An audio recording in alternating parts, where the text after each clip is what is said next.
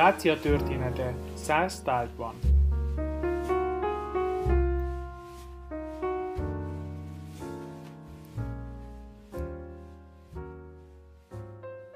Római Dácia különösen gazdag volt természeti forrásokban és melegvízű forrásokban is. Egyike volt azon provinciáknak a Dunai Limes vonalán, illetve hát úgy általában véve a kontinentális Európa területén, amely igen népszerű volt természeti, természetes forrásai, melegvízű, hidegvízű, különböző ásványvízű forrásaiban. Így természetesen ezek a geológiai adottságok, amelyek már ugye a paleolitikum óta léteztek, többségük ugye már több ezer éves hát forrás, létesítmény, természeti jelenség, ezeket már a rómaiak itt találják, ezeknek a jelenléte tehát adott volt. Egyeseket talán feltételezések szerint már a dákok is használhattak, ezeket a melegvízű forrásokat, különböző források köré épült szakrális tereket, azonban erre egyértelmű bizonyítékunk, régészeti forrásaink nincsenek, vagy hát nagyon problematikusak, de hát a szakirodalomban felfelbukkan ennek az elméletnek is a, a nyoma. Nem kizárt természetesen, hisz azért ezek a források minden egyes népnél a történelem bármelyik pontján, a világ bármelyik pontján természetesen ezek fontos források voltak, és hát az ember, mint, mint homo sapiens, mint faj, ha úgy tetszik, mindig is előszeretettel fordult és használta ezeket a természeti forrásokat tehát nem kizárt, hogy a rómaiak előtt is ezek a források, melegvízű források már használatban voltak. Azonban a rómaiak azok, akik, mint minden másban, vagy hát nagyon sok minden másban, így ezekben a forrásokban is lehetőséget látnak, integrálják nem csak a társadalmi körmoz, körforgásba, de az építészeti tájba is, tehát gyakorlatilag az addig természetes körülmények között megmaradt forrásvidékeket, különböző patakocskákat, felbukó, felbukó forrásokat átalakítják, radikálisan megváltoztatva ezáltal a természeti tájat is. Több ilyen fontos forrásvidékről tudunk, amely később, vagy amely köré később egy teljes római település fog fölépülni, ezen települések jelentős része egyébként civil település, voltak olyanok is, amelyek aztán egy katonai auxiliáris csapat erőd mellé épül ki. Tehát ezek a jelentős forrásvidékek köré kiépült római települések több mint 160-170 éven át jelentik a római társadalomnak a szórakozás, a kikapcsolódás, az üdülés, nyaralás lehetőségeit, de ugyanakkor ezek a, a helyszínek nagyon fontos vallás kommunikációs terek is, rengeteg olyan felirat és régészeti tárgyunk maradt fönt, amely arról tanúskodik, hogy ezek a forrásvidékek, forrásvidékek köré épült üdülő városok, ha úgy tetszik, valláskommunikációs, szakrális jelentőséggel is bírnak, és helyi, regionális zarándok központokká válnak a második században. Tehát a római jelenlét az radikálisan átváltoztatja a természeti tájat is, a természeti adottságokat, és ezek egyik bizonyítéka az ilyen hát melegvízű, forróvízű forrásoknak a teljes körű kihasználása, széles körű felhasználása, és hát úgymond körforgásba helyezése, amelyel összekötésbe kerültek természetesen nagy katonai központokkal, a provincia fő útvonalával is, tehát ez egy fontos tényezőjével lesz Dácia provinciának, úgy, ha úgy tetszik, egyik hát, marketing fogása a provinciának, amely valóban igen népszerű lesz nem csak a helyi elit, a szenátori és a, a lovagi réteg körében, a helyi adminisztráció vezetői körében, de átlag emberek, helyi római lakosok, volt katonák, veteránok is előszeretettel fogják látogatni ezeket az üdülő központokat. Ezek közül a központok közül kiemelkedik a ma, ismert, ma is ismert Herkules fürdő, amely az ókorban feltehetően az Ad Hercules nevet viselte, bár a szakirodalomban sokáig vita volt arról, hogy mi is lehetett az ókori neve, egyféle hát konfúzióból Mehádiának is említették, ugye közel esik egy másik római település ehhez a, római fürdőhöz, tehát ma már azért elfogadott, hogy Ad Herculis lehetett a neve, hisz ez a település, amely igen gazdag volt forrásokban, feltehetően több római forrás is fakadt, illetve több forrás is fakadt ezen a területen, amelyet a rómaiak aztán teljesen átalakítanak, és gyakorlatilag egy város méretű fürdők komplexumot építenek a forrásokra rá.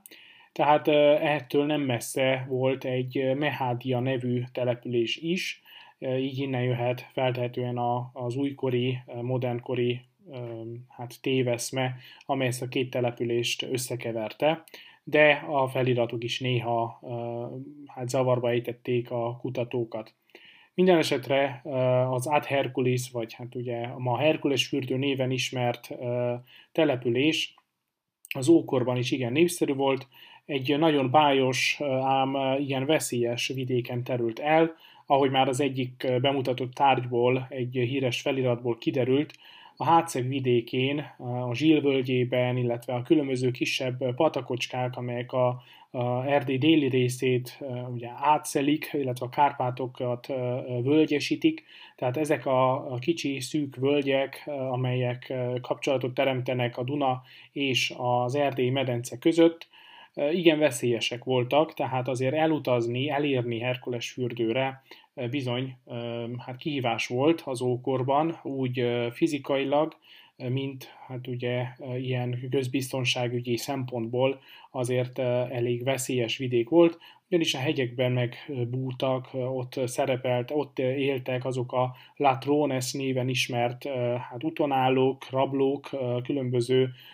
csapatok, amelyek feltehetően tehát veszélyeztették a környezetet, illetve kihasználták azt a tényt, hogy az egyik fő út, egyik fő római út, amely ugye összeköttetésben volt Drobeta és Szármiszegetőza a főváros között, tehát ezt az utat sokszor megtámadták, és az ott közlekedő elitet, a helyi dáciai elitet kifosztották. Most, aki mégis túlélte ezt az utat, vagy el tudott jutni Herkules fürdőre, az viszont egy, valószínűleg egy nagyon kellemes, elegáns római városba jutott. Sajnos a római romok, amelyek Herkules fürdőn épültek, mindössze egy 18. századi rajzból maradtak fönt. Egy Grisellini nevű,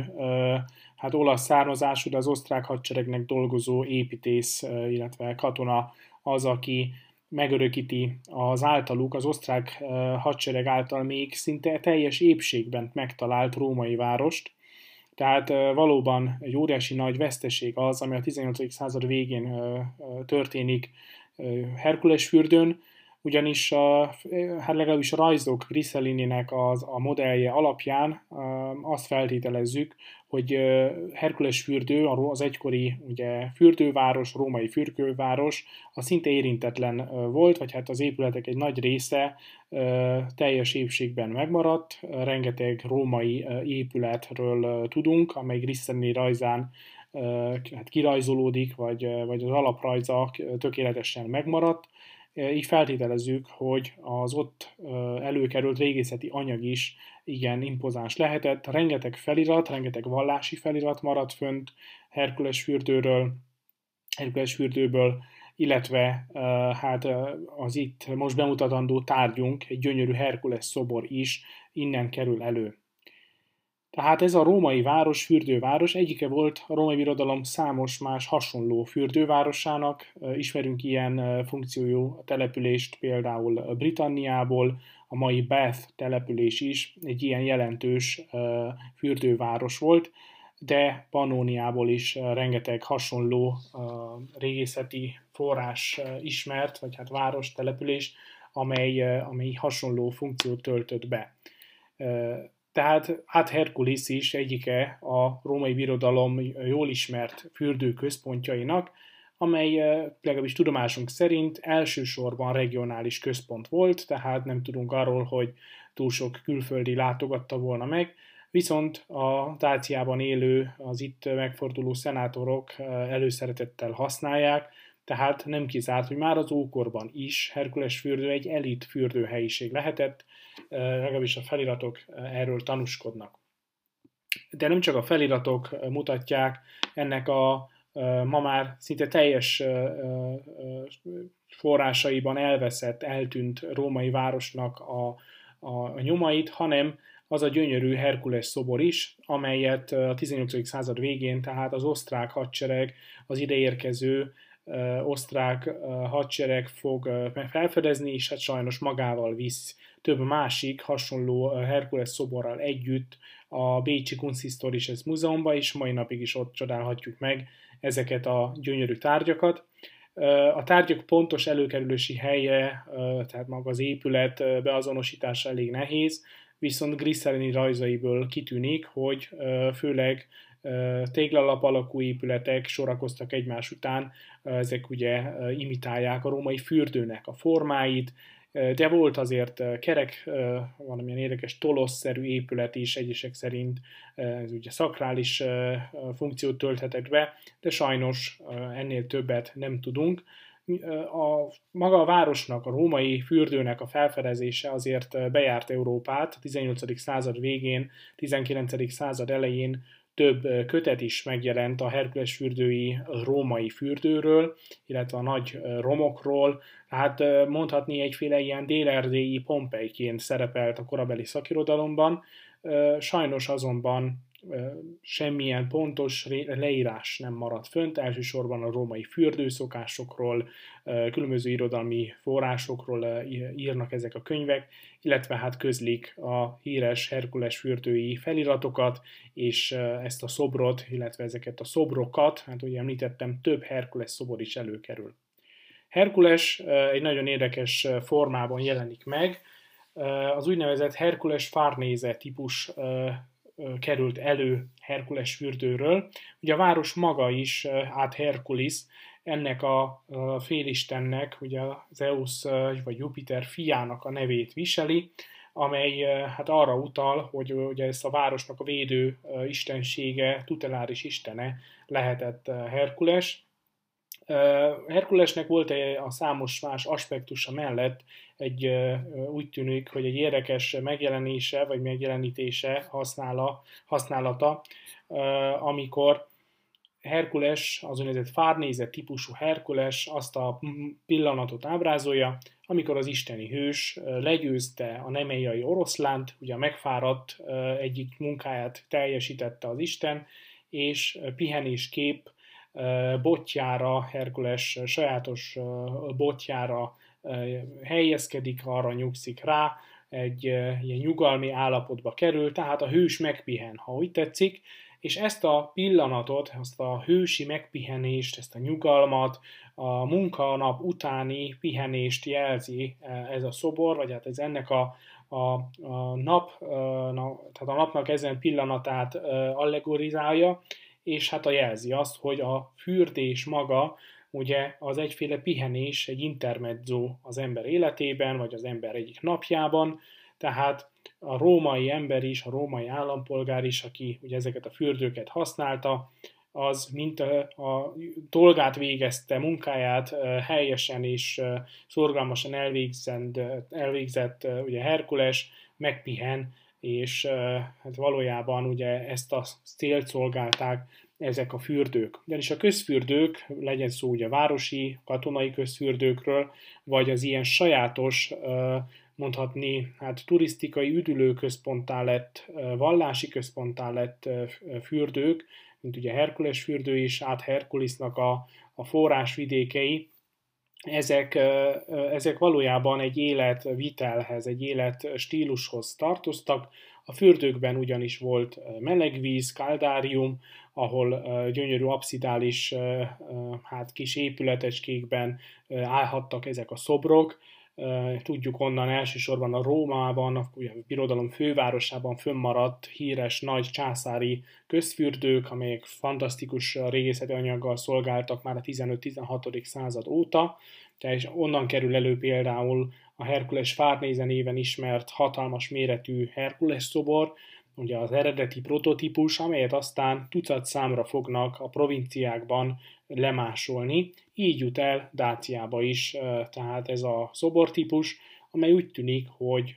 kifejezetten a fürdőkhöz köthető, tehát minden olyan szobor, amely, amely Herkules fárnézét ábrázolja, feltehetően tehát valamilyen szinten ezt a nyugalomba került hőst, a megdolgozott munkáját végzezte hőst ábrázolja, és ezek egy része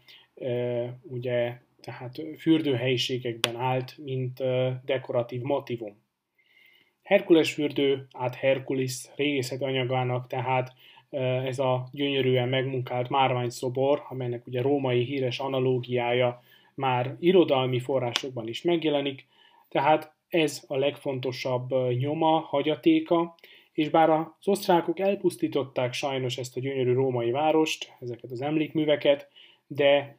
a szobrok ugye megmaradtak, Bécsben megtekinthetőek, Grissellini rajza pedig tükrözi az egykori római város hát gazdagságát, méretét, topográfiáját, illetve hát azért ne felejtsük el, hogy a pusztítás után jött a feltámadás ennek a városnak, és az osztrákoknak köszönhetően az osztrák Habsburg birodalom idején, illetve aztán főleg az osztrák-magyar monarchia idején Herkules fürdő egyike lesz Közép-Kelet-Európa legszebb, legnépszerűbb fürdőközpontjainak.